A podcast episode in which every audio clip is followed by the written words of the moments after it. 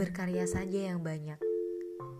Berkarya, belajar, salah, jatuh, berdiri lagi, berkarya lagi, sampai karyamu mengubah suasana hatimu sendiri, suasana hati seseorang, dua orang, tiga orang, dan akhirnya dunia ini.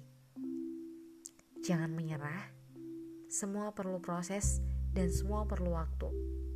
Bersabarlah.